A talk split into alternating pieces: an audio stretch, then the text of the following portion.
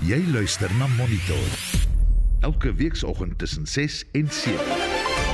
In vanoggend se program kan Suid-Afrika se regsoptrede teen Israel westerse beleggers afskrik. Ons praat met ekonom. Die gemeenskap van Letabo Park in Kimberley in die Noord-Kaap trek saam om leerders skoolgereed te kry. Die Kaapse Metro word van uh, die selektiewe toepassing van verordeninge beskuldig na die toever van 'n Palestynse vlag aan die Bo-Kaap en die DA soek antwoorde na Cricket Suid-Afrika se besluit om David Tiger van sy onder 19 kapteinskap te onthef. Welkom by Monitor die span vanoggend is eh, redakteur Joan Marie Verhoef en Nicoline Lou. Uh, ons uitvoerende regisseur natuurlik is Nicoline Lou. Die produksieregisseur is Daitron Godfrey en ek is Udo Karelse.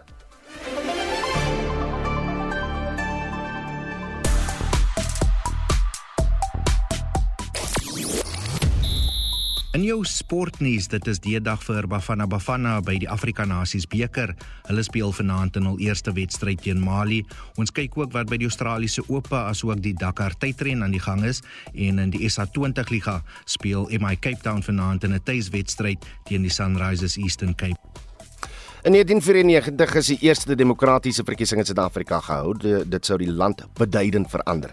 In Suid-Afrika hou vanjaar weer verkiesing, hierdie keer te midde van groot ekonomiese, maatskaplike en politieke uitdagings. En baie mense glo dat Suid-Afrika se politieke landskap weer eens beduidend kan verander. Nou wil ons vanoggend weet wat dink jy is hierdie verandering of wat moet hierdie verandering wees? En sou jy vanjaar se verkiesing met 1994 vergelyk?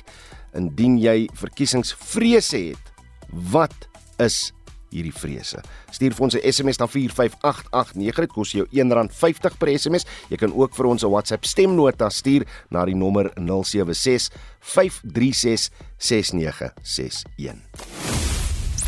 Monitor jou oggendnuusprogram op RSG. Sommige ouers in Polokwane Limpopo sukkel steeds om plek vir hul kinders by openbare skole in die gebied te kry. Dit terwyl ander nog wag op die be beregting van hulle appelle nadat hul kinders afgekeur is. Onderwysowerhede in die provinsie sê alle nuwe aansoeke sal volgende week oorweeg word. Die skool heropen môre. Joan Marie Verhoef doen verslag. Sommige ouers spook om hul kinders betyds vir die akademiese jaar te registreer. Hulle staan tou by die Polokwane se onderwyskantore om plasing vir hul kinders te kry. Een van hulle is Candice Lindner. Hulle het vir ons gesê ons moet weer terugkom. Elke week moet ons terugkom en dit um, mos ons tyd, ons geld en ons kinders word aanstig en ons weet nie wat om te doen nie. So ehm um, dit maak mense baie kwaad en geïrriteerd. Ons het gekom van PE af vir beter skools. Nou met hierdie situasie is dit baie ongemaklik en baie ons is frustrerend, nee. Intussen sê 'n woordvoerder vir die departement van onderwys in Limpopo, Mike Maringa, dat nuwe skole gebou sal word. We are saying we need to build more so that we get rid of learners who are in the mobile classes and to give enough space because you'll know that Pulukwani is one city that is expanding uh, very quick. We'll need uh, schools and we have made a commitment that there will be three new schools and we'll upgrade two, which makes five of the schools that we are still preparing to start with the construction in this current financial year. Maringa sê die provinsiale departement werk hard om alle leerders betyds by skole te plaas. Die verslag van Wituwi Maluleke, ek is Jean Marie Verhoef vir SAK nuus. Nou tien skole in die Wes-Kaap wat jaarliks duisende aansoeke ontvang, se gewildheid word toegeskryf aan hulle goeie matriekuitslae, geografiese ligging en buitemuurse aktiwiteite. Bo aan die lys is die Claremont Hoërskool met slegs 103 plekke vir nuwe leerders. Die skool reeds 4000 aansoeke ontvang. Owerhede sê alle leerders sal geplaas word, maar nie noodwendig by die skool van hulle keuse nie. Mitsie van der Merwe het meer besonderhede. Baie leerders sal hulle hoërskoolloopbaan met onsekerheid begin wanneer die skole die week heropen. Die skool in die Wes-Kaap wat die meeste aansoeke kry, is Claremont Hoërskool, gevolg deur Spine Road Hoërskool in Mitchells Plain. Die skool het 246 beskikbare plekke, maar het duisende aansoeke ontvang. Oudskooliere en leerdlinge wat nou daar skool gaan, sê hulle verstaan hoekom. Academic wise, the school is very good. As excellent teachers, 100% teachers.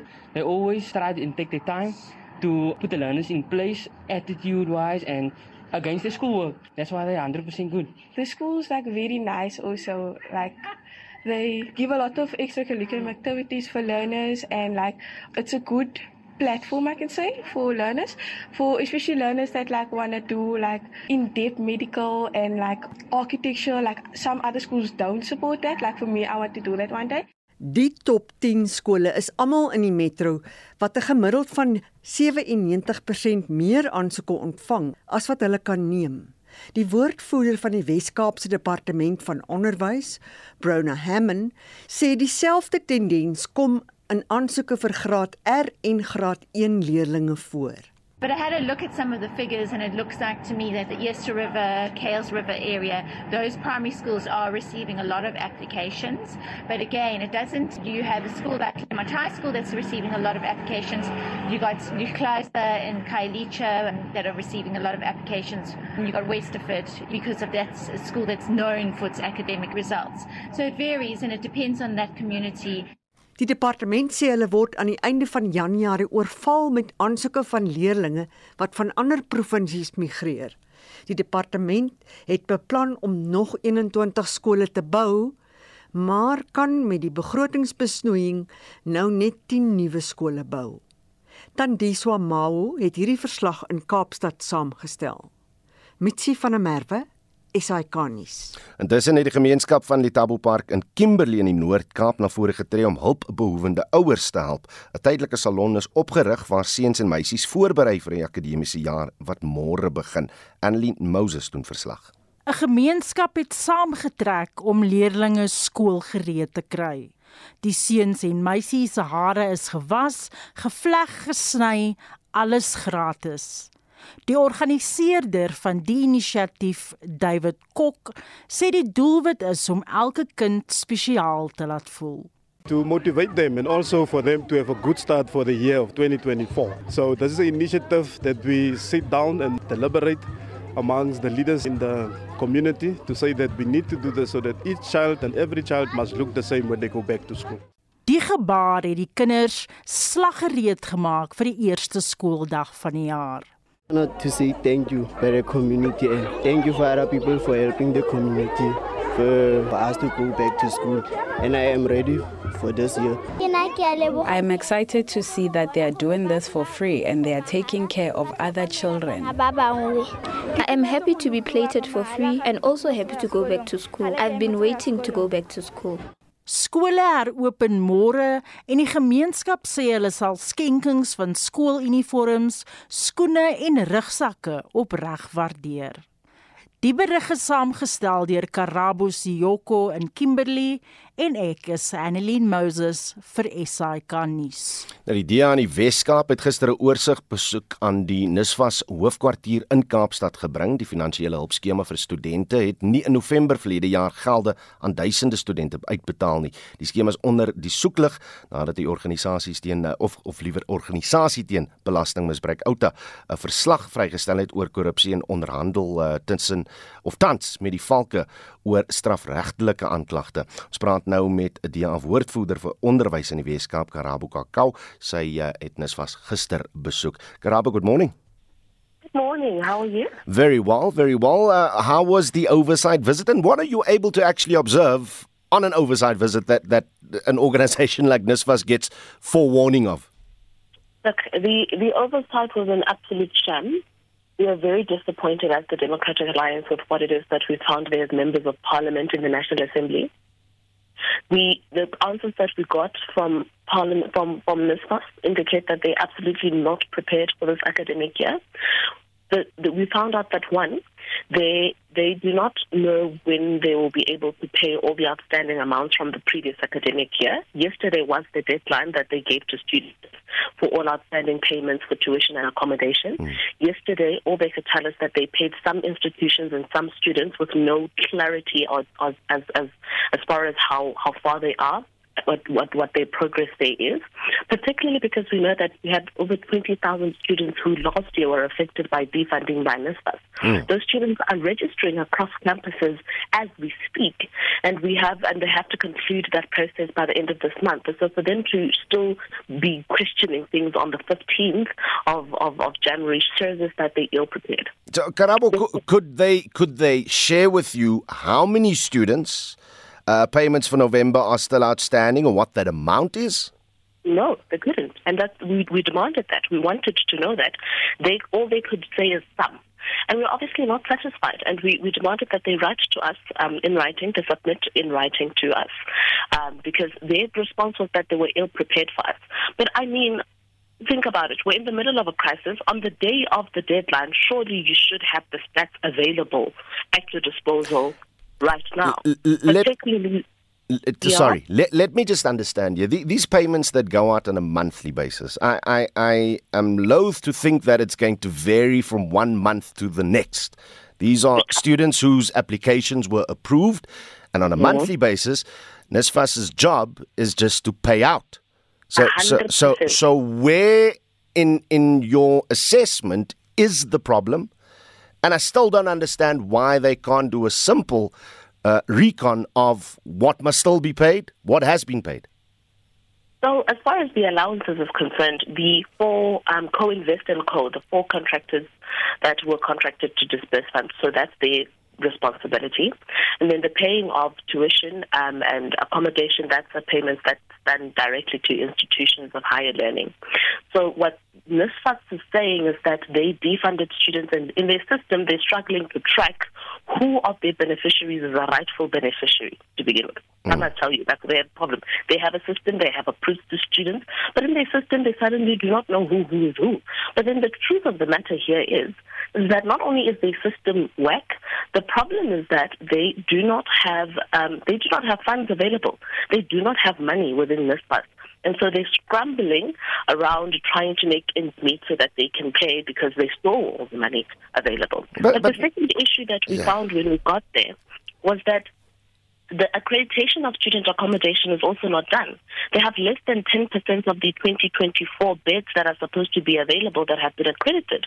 So this means that, like we saw last year, we're going to have students that are homeless across campuses sleeping in corridors, or if they do find accommodation, they're going to be sleeping in shacks like they do at the Letaba Tivet College in Madala Barazamin, Limpopo, where, where where is, is paying for shacks. Pretty much, and that's what we're going to have. Th this week started off with the minister telling us there's 3.8 billion rand available to cater to at least 47% of the so-called missing middle. Mm. I- If if that money is available, why is the money that should be in the system not available to do the things that it should be doing? See, the money is not available. There is no such thing. One, two months ago, the Minister of Parliament told Parliament that we have a 1.1 billion shortfall. And that meant that we were going to have 87,000 students who are not going to be funded by the scheme. Now, suddenly, in the middle of a scandal, they, there's this lump sum amount of money that is available. That is a clear indication to us that he is trying to, the minister was trying to spin doctor the nation. He's trying to divert attention away from the corruption and fraud scandal happening there.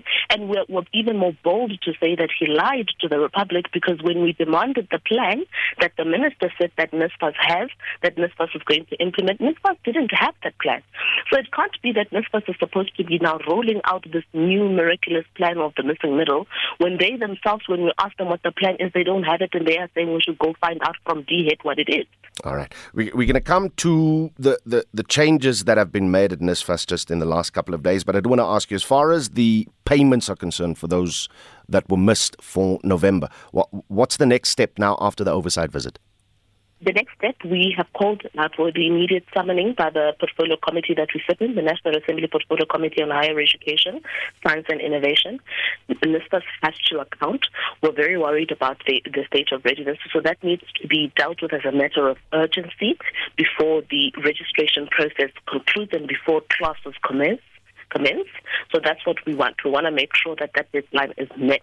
But in the meantime, we do know that the reason why NISFAT and the Department of Higher Education do not take students seriously and do not take their job seriously is because they are led by a minister who does not take the Republic seriously. And this is why we maintain our call to President Ramaphosa to fire Minister Nzimande with immediate effect.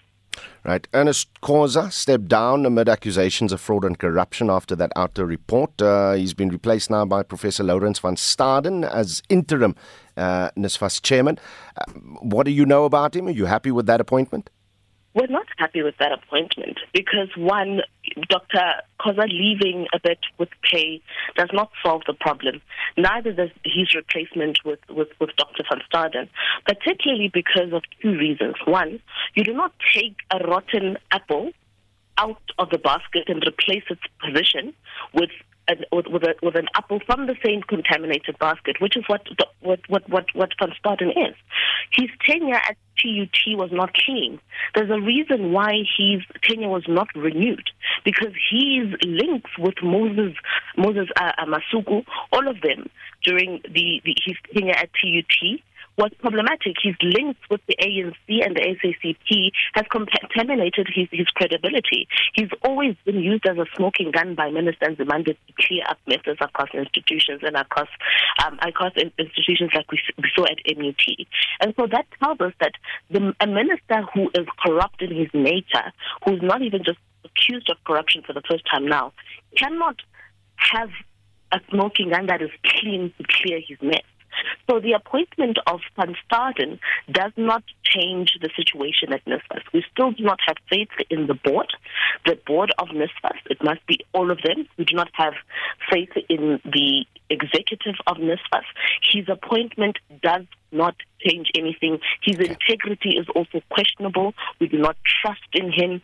His relationship, his past relationship with the ANC as far as uh, um, um, as far as, as, as, as Masuku Dem's tenure is concerned, is a source of of of of of of of of, of concern for us as the Democratic Alliance. Ja, woordvoerder vir onderwys en wetenskap Karabo Kakao, dankie vir tyd op monitor. Oxfam internasionale organisasie wat hom beywer vir die bekamping van armoede, sy jongste verslag dui op 'n toename in die gaping tussen ryk en arm mense. Terwyl 5 van die rykste mans hulle rykdom sedert 2020 met bykans 860 miljard dollar verdubbel het, het 5 miljard mense armer geword. Die verslag volg na die wêreld se invloedrykste mense byeengekom het vir die jaarlikse wêreldekonomiese forum in Davos, Switserland. Anne Eckart het vir ons meer besonderhede. Luidens die verslag kan ongelykheid nog verder toeneem.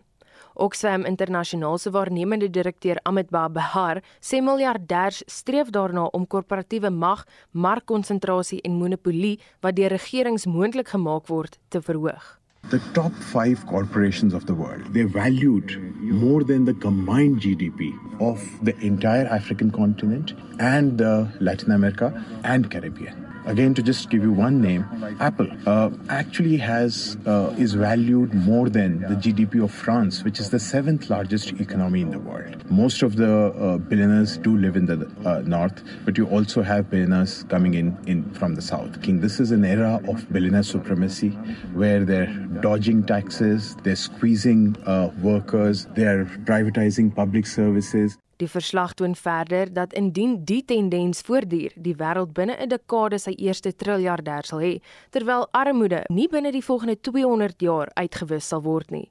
Behar sê Oxfam vra dat regerings korporatiewe monopolie breek en die belasting op welvaart verhoog. The top five corporations of the world, they're valued more than the combined GDP of the entire African continent and uh, Latin America and Caribbean. Again, to just give you one name, Apple uh, actually has uh, is valued more than the GDP of France, which is the seventh largest economy in the world. Most of the uh, billionaires do live in the uh, north, but you also have billionaires coming in, in from the south. King, this is an era of billionaire supremacy, where they're dodging taxes, they're squeezing uh, workers, they're privatizing public services. Die Wêreldekonomiese Forum eindig Vrydag in Davos, Switserland onder die tema Rebuilding Trust. Die verslag deur Naledi Qobo in Johannesburg. Ek's Anmane Eckart vir SAK nuus.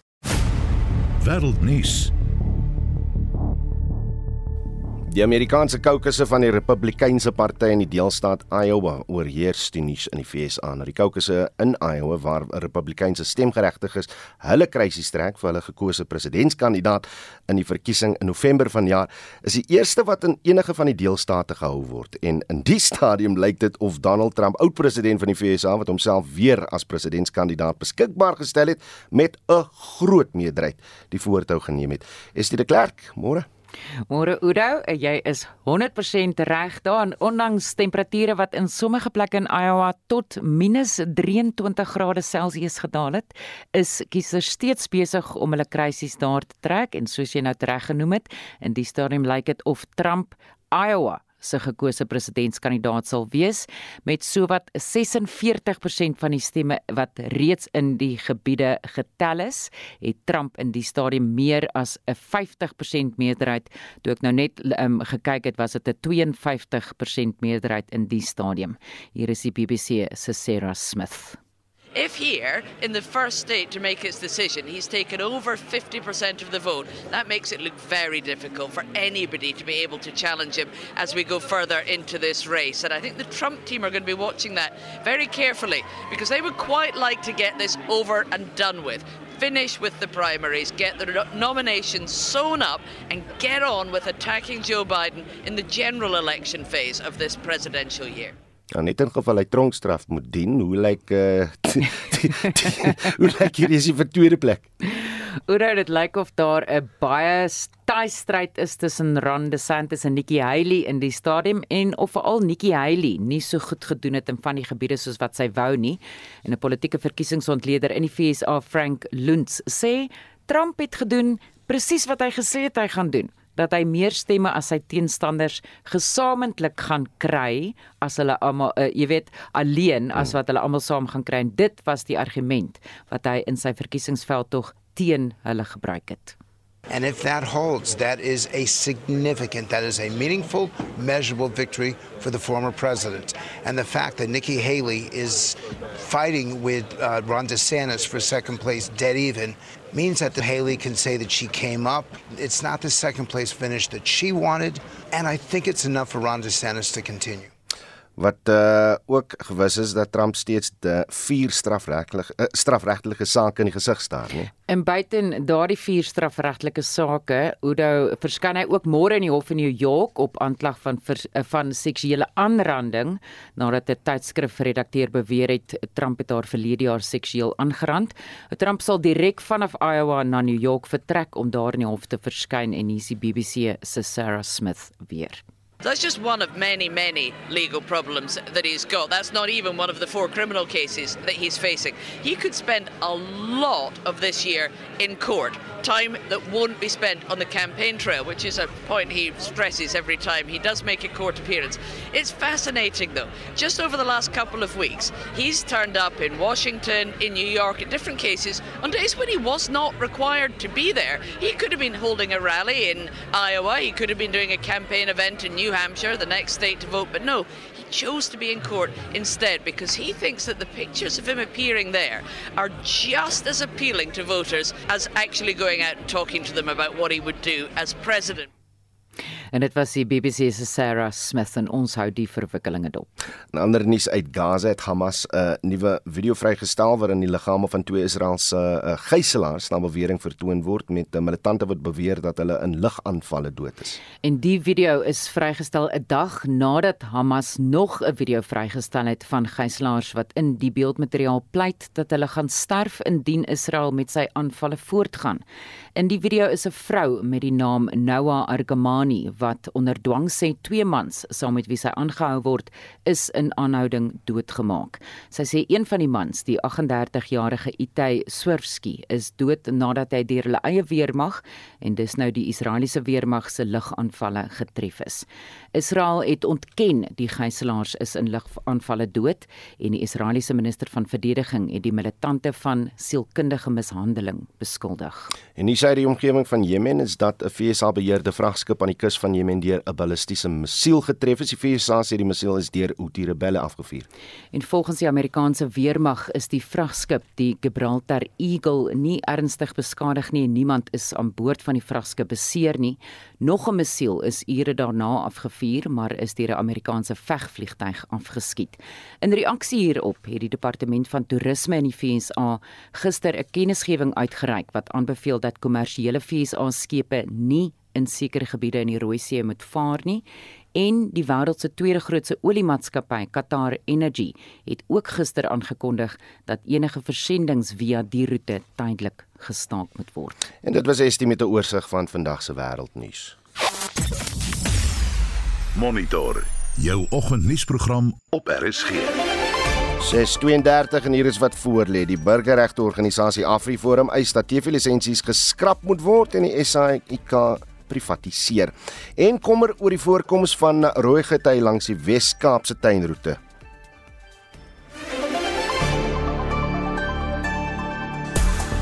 As jy nou daai snaakse geluide gehoor het, is maar julle SMS'e wat deurkom op die SMS lyn van ons vra vanoggend, uh hoe julle voel oor hierdie jaar se verkiesing. Reg, 1994, ons eerste demokratiese verkiesing uh uit ons land beduidend verander. Daar's baie wat voel hierdie een, hierdie jaar gaan amper dieselfde tipe rol speel. Wat is hy rol? Wat gaan hy uh, doen om die Suid-Afrikaanse politieke landskap te verander?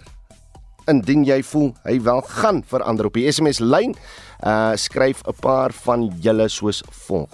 Volgens laat ek net by die boodskap en daar sê die ANC moet nou verslaan word uh, vir hulle om nog 5 jaar by te kry sal alles net volledig verwoes wees. As die koalisie van partye aan bewind kan kom is 5 jaar nie naaste by genoeg tyd om drastiese herstel te bewerkstellig nie maar ons moet begin absoluut sonder die ANC so sê Trudy. Dan sê John van Hermanus die verskil is dat in 1994 daar reserve geld oral in staatsdepartemente en munisipaliteite was alles het gewerk. Die ANC was verwoestend in 30 jaar en dit is die groot tragedie. Lou sê eenvoudig net ek bevrees niks gaan verander nie. Die vrees vir apartheid oorheers steeds selfs in die nuwe apartheid. Dis nou Lou se mening. Wat is jou mening oor wat hierdie jaar se verkiesing miskien teweeg sal bring in Suid-Afrika. sien jy verandering en indien so, wat is daai verandering? Stuur vir ons 'n SMS na 45889. Dit kos jou R1.50 per SMS. Jy kan ook vir ons 'n WhatsApp stemnota stuur na die nommer 0765366961. Hulle is tyd vir die jongste sportnuus met uh, Jody Hendriks. Môre Jody. Goeiemôre Udo, besige sportdag. Ja, absoluut. Uh, besige sportnag. Kom ons begin met wat uh, nou oornag en vroeg vanoggend by die uh, Australiese Ope gebeur het. Wel, die vrou nommer 1 speler Iga Swiatek, sy het vanoggend vir Sofia Kenin van die FSA in skoonstelle 7-6 en 6-2 uitoorlei om na die tweede ronde te vorder. Daar was ook 'n sege vir Sloane Stevens, sy het vir Olivia Kadeki van Australië in skoonstelle 6-3 en 6-1 geklop. In die mansafdeling alle oë op die tweemaalige Grand Slam wenner Carlos Alcaraz wanneer hy vanaand teen Richard Gasquet te staan kom. En dan gister die vyfmalige finalis by die Australiese Ope Andy Murray het na sy nederlaag gesê dat dit was moontlik die laaste keer wat hy aan die Grand Slam deelgeneem het. Ja, hy moet dalk net 'n hotel wat hy vir sy ma gekoop het gaan bestuur voor tog maar. Luister, sokker. Dis die dag van Bafana Bafana by die Afrika Nasies beker. Interessante feit wat ek oor Bafana gesien het, hulle is een van die 3 lande by die speel by die toernooi Oudou waar al die spelers in die groep in die land wat hulle verteenwoordig is gebore is. So 'n goeie een daar vir Bafana Bafana en sokker in ons land. Maar soos jy gesê het, hulle kom vanaand te staan in die eerste wedstryd van die toernooi teen Mali. Sal interessant wees om te sien watter spelers en formasie Hugo Broos mee gaan begin en natuurlik die groot vraag sal hulle kan doele aanteken. Afskoptyd is om 10uur, maar kom ons hoor van die afrigter Hugo Broos se rol vanaand se wedstryd gaan benader. I think everybody is happy that we are one day before the game. You know, there's always a preparation, but uh, you're looking forward to play. So um, we are aware that we have a tough um, opponent tomorrow with Mali. At the other side, we believe in our chances, and um, I hope that we can achieve our best level so that we can win the game because it's uh, very important for a tournament like this that you can start with a victory. Ja, ek hoop ook so 10 uur vanaand mense is afskop tyd. Ons praat môre oor Bafana Bafana en al heel eerste kragmeting. Nog sokker, enige verrassings Jody by die FIFA toekenninge?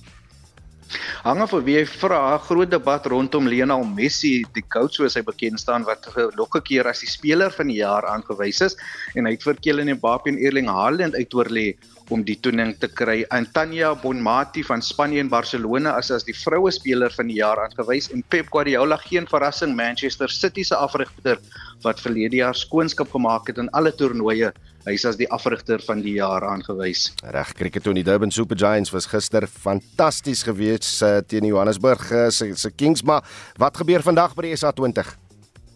Dis wedstryd 8 MI Cape Town kom op Nieuweland teen die verdedigende kampioen die Sunrisers Eastern Cape te staan. Nou die span van die Kaap staan tweede op die punteleer met 5 punte en die Sunrisers vierde met 2 punte na twee wedstryde en die wedstryd waarna jy verwys het die Durban Super Giants oor die Joburg uh, Super Kings is natuurlik die 37 lopie sege gister op Kingsmead.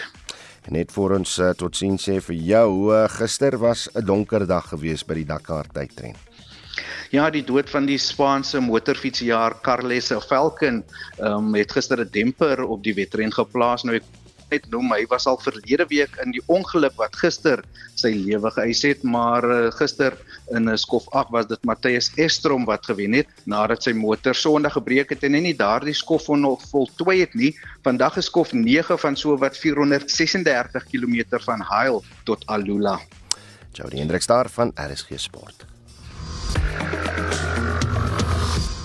Monitor. Jou oggendnuusprogram op RSG Die DA vra dat Cricket Suid-Afrika die besluit om die onder 19 kaptein David Tiger van sy kapteinskap te onthef terugtrek.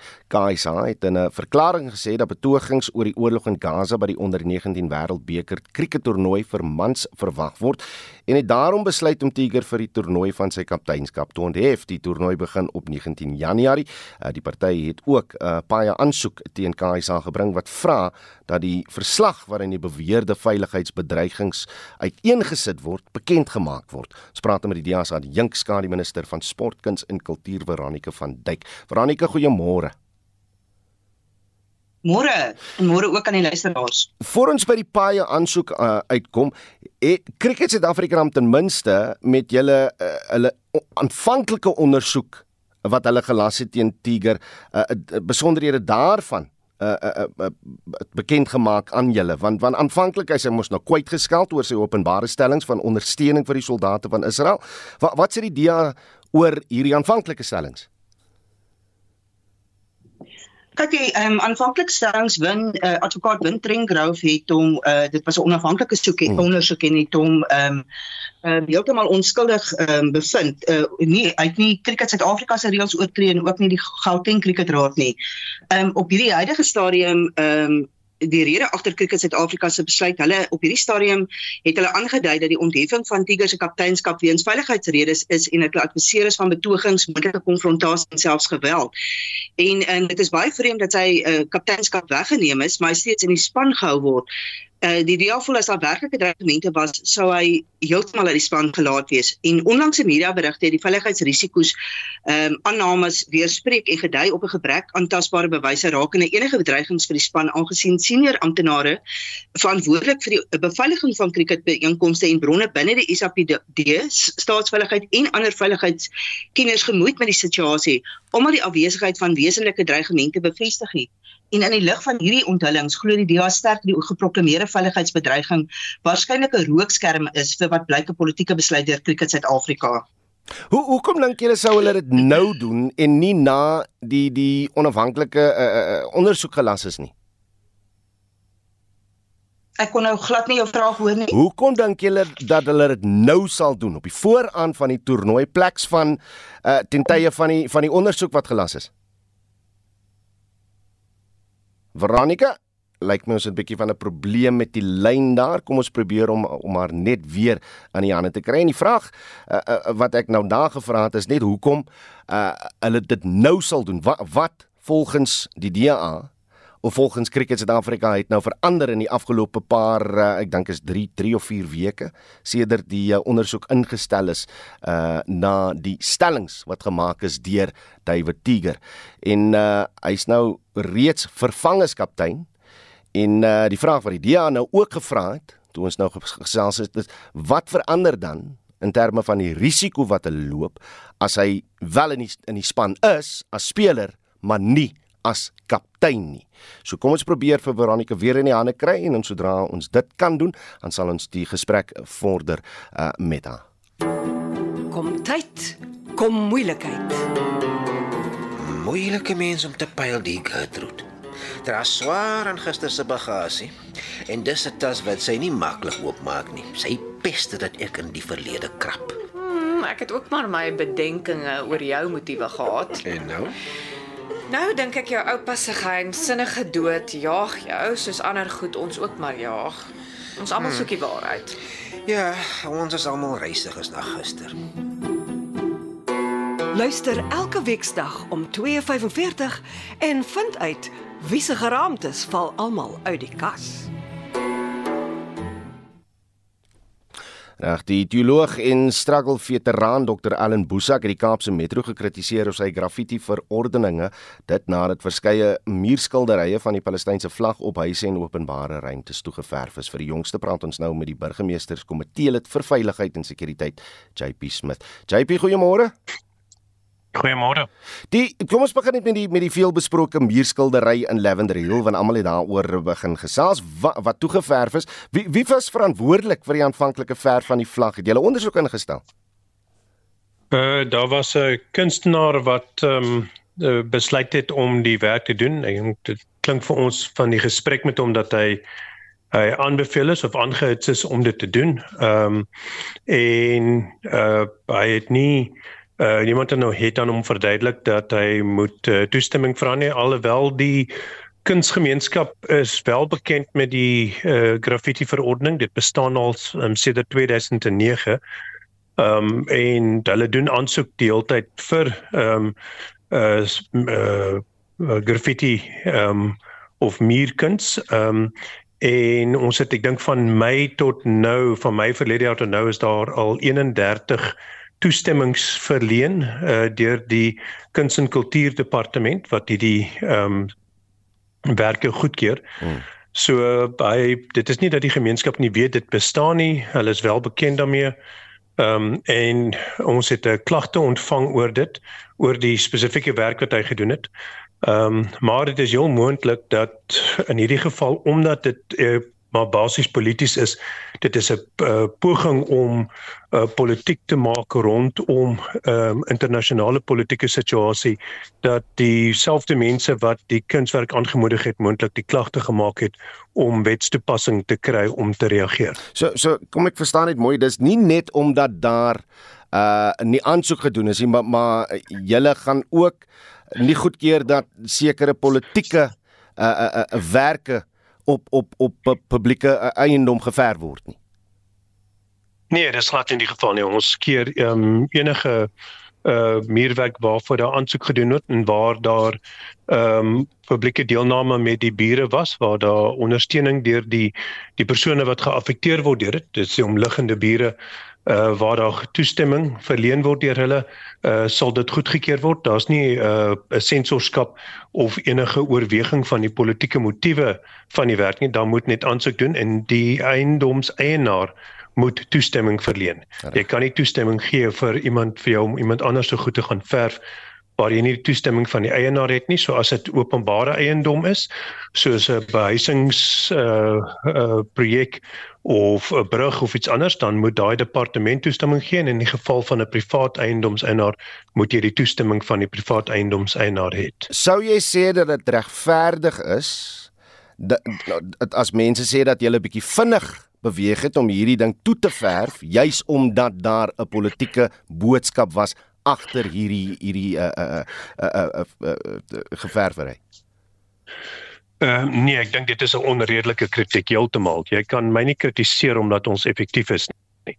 Ehm um, jy kan kla dat ons stadig reageer uh erns, maar jy kan nie kla dat as daar klagte is ons binne 'n uur optree nie. Uh ons het toe so week later is daar 'n uh uh ek dink die woorde was delete Palestine, Palestine. Hmm. Uh, uh graffiti op die kant van UCT geverf. Uh ons het dit um, via 'n joernalis ontvang omdat weer eens ek dink heel moontlik die persone wat hierdie politieke veldtog teen die DA dryf rondom uh, Palestine het moontlik self dit geverf en moontlik uh, dit dan direk aan die media gerapporteer want dit is nie aan die stad gerapporteer nie. 'n Hmm. Joernalis het ons toelaat weet dat dit daar is en ons het dit in 9 en 5 minute uh, is dit verwyder. JP sien julle 'n groot toename as dit kom by die slagspreuke en die goed wat wat wat geverf word as graffiti op op publieke eiendom wat, wat te doen het met die oorlog in Gaza. Uh ja, hele klomp eiendoms eienaars het ehm um, uh in verskillende gedeeltes van die stad uh sulke werke geverf ehm um, sonder toestemming.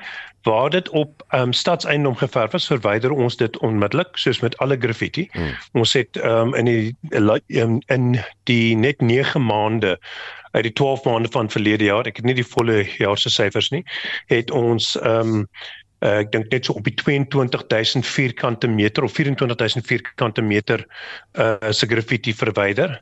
Ehm um, en in dieselfde periode die jaar daarvoor uh so 18000 so ons verwyder elke jaar 'n groot hoeveelheid graffiti insluitende gang graffiti tagging ensovoorts in die geval van privaat eiendomseienaars waar dit gebeur, gaan ons na hulle en soos ons in die Bokaap gedoen het, verwittig ons hulle van wat die verordening sê en sê julle sal 'n aansoek moet doen vir dit na die geval. Ehm um, en as daai aansoek goedgekeur word, dan kan die muurwerk bly. As nie, sal ons dit in oor tyd as jy nie aansoek gedoen het nie en jy het nie toestemming gekry nie, sal ons dit dan verwyder. Al is dit op jou privaat eiendom. Ja, die verordening sê, ehm um, soos wie um, soortgelyke verordeninge reg oor die wêreld dat uh, graffiti is enige ding wat geverf word of geskilder word op 'n plek waar dit sigbaar is van 'n openbare plek. So as jy dit as jy dit tentoonstel, dan raak dit van openbare belang en die omliggende gemeenskap moet geken word alvorens toestemming verleen kan word want hulle moet leef met wat jy verf elke dag. En dat uh, JP sover jy weet, as as mense sport of vermaaklikheidsbyeenkomste bywoon en hulle besluit soos 'n paar mense by die kriek gedoen het om 'n Palestynse vlag te vertoon of 'n Israeliese vlag te vertoon, mag die polisie of enige amptelike wetstoepassing sover jy weet, uh 'n wetstoepassingsowerhede dit dit van die mense wegneem. So dit is 'n besluit wat die Suid-Afrikaanse polisie geneem het. Ehm um, en dit is ook hoekom mense gesien het dat die fotos nie so aggressief rondgestuur is nie want dit het nie die narratief gepas wat ehm um, wat hierdie politieke veld tog ehm um, probeer probeer dryf nie. Ehm um, maar in hierdie geval was dit die Suid-Afrikaanse polisie wat 'n reël gemaak het uh in terme van die toegangsbeheer by groot gebeurlikhede dat hulle nie gaan uh vlae of baniere um landsvlae of baniere toelaat nie uh of enige politieke land uh baniere toelaat nie en hulle het dus by twee geleenthede in Kaapstad um dit gestop en die een was die aanskakeling van die feesgety ligte mm. waar die burgemeester teenwoordig was en hy het toe met hulle gepleit om dit nie te doen nie want dit was besig om 'n groot konflik te veroorsaak. Ehm um, moontlik so beplan. Uh en in die tweede geval by die cricket uh was daar nie enigiemand om met hulle te te debatteer oor nie en hulle het toe um, hulle sekuriteit um aangemaan om die vla in goed te verwyder en dit het die konflik veroorsaak wat julle sien. So hulle sien dit as deel van hulle reg om uh om uh, openbare vrede te bewaar by groot gebeurlikhede om risiko te verminder om te verhoed dat politieke situasies of konflik uitbreek mm. binne in die gebeurlikheids ehm um, lokasie. Uh en mens kan maklik dan argumenteer dat dit in ehm um, effektief die teenoorgestelde doen, maar daai toegangsbeheer by 'n plek waar jy waar daar wel toegangsbeheer het, kan die eiendomseienaar wel voorwaardes vir toegang stel. En dan net laastens, julle munisipale wetstoepassers werk nie onder hierdie bevel nie, nie. Dan dan sulke goed weggeneem moet word van mense nie. Nee, dit is die Afrikaanse polisie en die uh, sekuriteitsbeamptes ehm um, by by die gebeurlikhede wat onder hulle beheer is, daar sal uh, by enige groot gebeurlikheid is daar 'n senior beampte ehm um, aan diens wat besluit watter sekuriteitsverwante ehm um, uh, aktiwiteite of bevele en dan is die ander personeel by daai gebeurlikheid onder hulle bevel. Ehm um, as gevolg van die politieke dinamiek rondom dit het ons ons personeel aangeraai om nie by hierdie aktiwiteite betrokke te raak nie. Ehm um, want uh, ons is nie bereid om dit te probeer verdedig nie. Uh en dit is op hierdie stadium is daar duidelike veldtog wat elke dag of elke week 'n nuwe vorm van konflik gaan probeer identifiseer om hierdie veldtog te dryf. JP Smith is die burgemeesterskomitee lid vir veiligheid en sekuriteit in uh, Kaapstad. Net voor ons aanskuif, ons het 'n bietjie tegniese probleme met Veronica van Duyk se lyn. Onthou ons het 'n bietjie saam met haar gesels uh, uh oor David Tiger wat uh wie se kapteinskap van die onder 19 span neem is uh cricket uh het, het, het, het vir die onder 19 cricket wêreldbeker.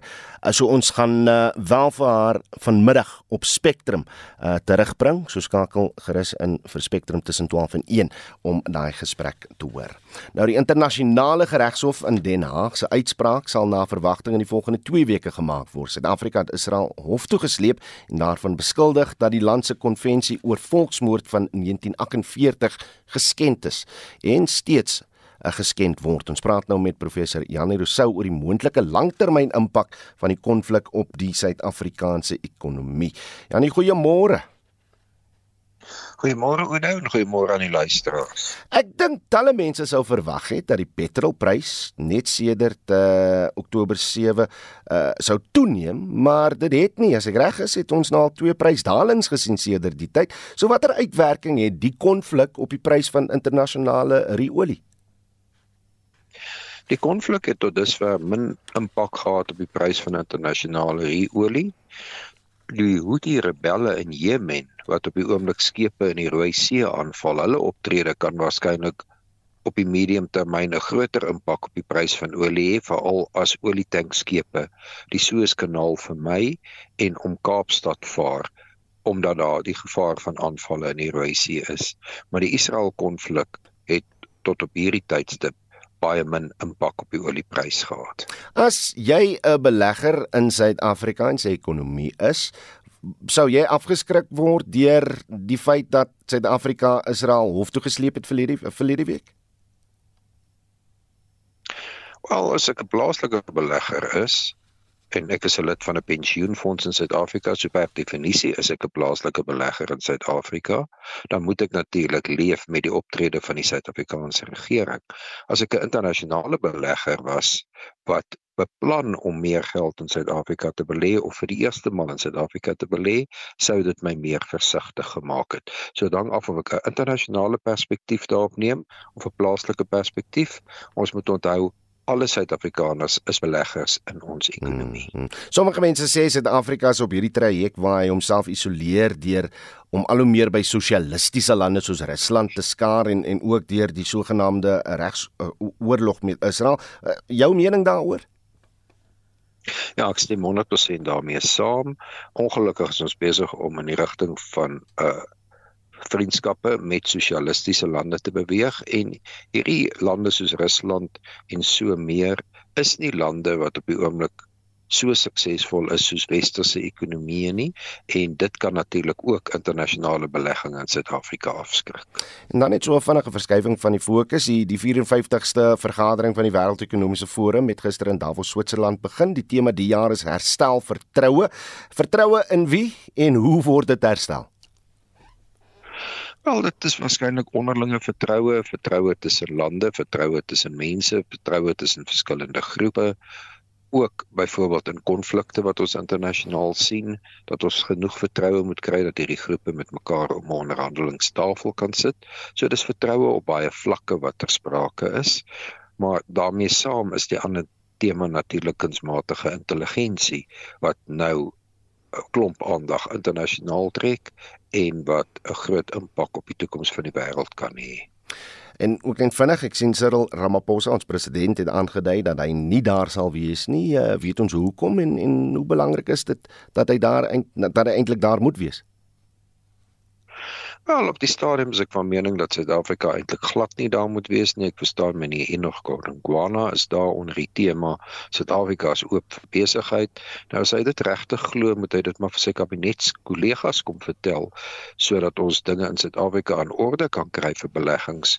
Hy moet byvoorbeeld met die uh vervoerowerhede kom praat oor treine en hawens wat nie werk nie. Na 16 jaar kan ons Eskom nog nie herstel dit nie. Ek sien in vanoggend se koerant uh mineraal uh, die die minister van minerale en energie sake meneer Gwedimantashe sê geen nuwe mynlisensies is in 'n jaar toegeken nie. So asseblief, as Suid-Afrika oop is vir besigheid, meneer Godongwana glo dit moet nie geld mors om daarvoor te gaan nie en moet in Suid-Afrika bly en sy kabinetskollegas van sy standpunt oortuig. En maak dit 'n verskil dat Joe Biden nie daar gaan wees nie? Ek is nie seker dat dit 'n groot verskil maak of meneer Biden daar is of nie. Uh, ek weet Blinken, meneer Blinken die uh Secretary of State wat die ekwivalent van 'n minister van buitelandse sake is, wat internasionale belangrike rolspeler is, gaan wel by Davos wees. As hy Janie Rousseau, professor Janie Rousseau is 'n besoekende professor by die Wits Saakskool. Dankie vir tyd op monitor. Reg. Sou jy vanjaar se verkiesing met 1994 kan vergelyk en indien jy verkiesingsvrees het, wat is jou vrees? Dis die vraag wat ons vanoggend vra. Ehm um, Koos in Middelburg sê bevrees die verkiesing gaan soos voorheen maar net weer 'n rasse sensus wees. Kiesers stem met hulle harte en nie met hul koppe nie. Uh dan sê anoniem 1994 was daar groot gewag gemaak vir die new dawn is breaking. 30 jaar later is ons in die donkerte gehul. Dis die verskil, sê anoniem.